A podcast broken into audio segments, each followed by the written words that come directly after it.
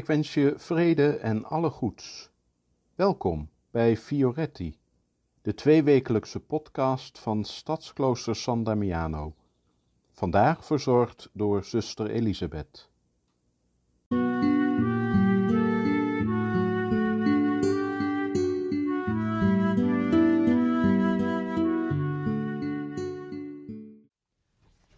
De tijd van onbezorgdheid is voorbij. Vandaag begint de lange weg naar morgen. Zo klinkt al decennia lang de begintune van de soap Goede Tijden, Slechte Tijden, waarin elke dag allerlei drama voorbij komt. Ook in onze levens zijn er vele ingrijpende gebeurtenissen, waarbij we nu niet bepaald aan onbezorgdheid denken.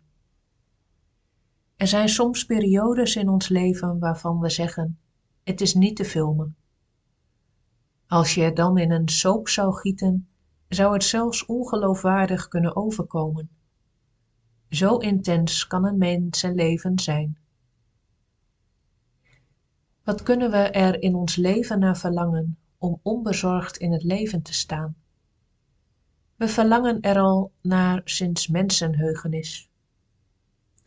Gelukkig worden er ook al minstens zo lang adviezen en wijsheden gegeven die ons kunnen helpen meer en meer naar de onbezorgdheid terug te keren.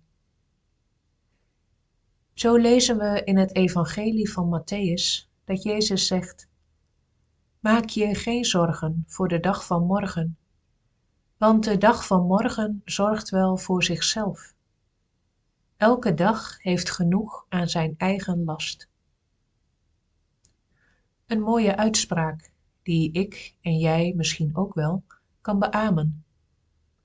Maar het kan ook wat makkelijk klinken, terwijl de praktijk zo weerbarstig kan zijn. Dan is het goed om te weten dat dit geen losstaande uitspraak is van Jezus. We krijgen nog wat meer inspiratie aangereikt. Vlak hiervoor laat Jezus ons namelijk het volgende beeld zien. Kijk naar de vogels van de hemel. Ze zaaien niet en maaien niet en oogsten niet. Je hemelse Vader voedt ze. Zijn jullie niet meer waard dan vogels? Wie van jullie kan met al zijn zorgen een el toevoegen aan zijn leven? En wat maak je je bezorgd over je kleren? Leer van de lelies op het veld hoe ze groeien. Ze werken niet, ze spinnen niet. Jullie hemelse Vader weet wel dat je dat allemaal nodig hebt. En in het hoofdstuk ervoor richt Jezus onze blik op God en naar ons binnenste. Durven en kunnen we er werkelijk bij stilstaan wat er gaande is in ons leven? En kunnen we dat voor God brengen? Voorleggen wat er in ons binnenste leeft, op een manier die ons tot bidden aanzet, waarbij we mogen uiten wat ons zwaar valt in het leven.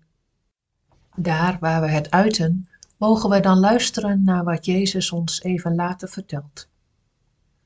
Kom allen naar mij toe, die afgemat en belast zijn, en ik zal je rust geven. Neem mijn juk op en kom bij mij in de leer, omdat ik zachtmoedig ben en eenvoudig van hart, en je zult rust vinden voor je ziel. Want mijn juk is zacht en mijn last is licht. We mogen de zwaarte van het leven overgeven aan Hem. We hoeven het niet alleen te dragen.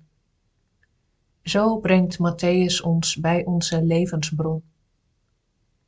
Deze levensbron droeg ook Clara van Assisi door het leven. Ook zij kende tegenslag in het leven. Maar ze vond wegen om zich niet door al die tegenslag in beslag te laten nemen. We weten dit omdat er van haar een brief bewaard is gebleven, waar ze een levenshouding in ons oproept die ons dichter bij de onbezorgdheid kan brengen. Houd je houvast vast. Doe wat je doet en geef niet op. Je moet met snelle stap, met lichte tred, zonder je voeten te stoten, zodat je schreden zelfs geen stof laten opwaaien, onbezorgd, blij en opgewekt, het pad van de gelukzaligheid voorzichtig gaan.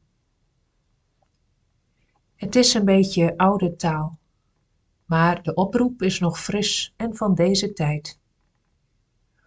Als we deze lichtvoetige levenshouding van Clara leren aannemen en we proberen niet van de wereld, maar in de wereld te zijn, dan zal het af en toe lukken om weer met onze oorsprong, met onbezorgdheid in verbinding te komen.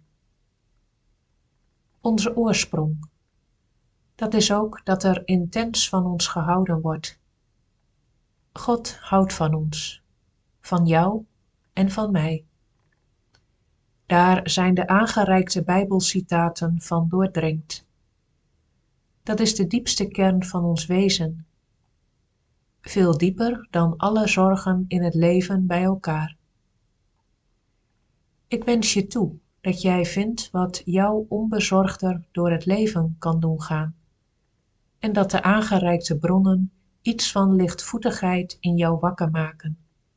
Om vandaag morgen en alle levensdagen vol van het besef van Gods liefde onbezorgd door het leven te stappen.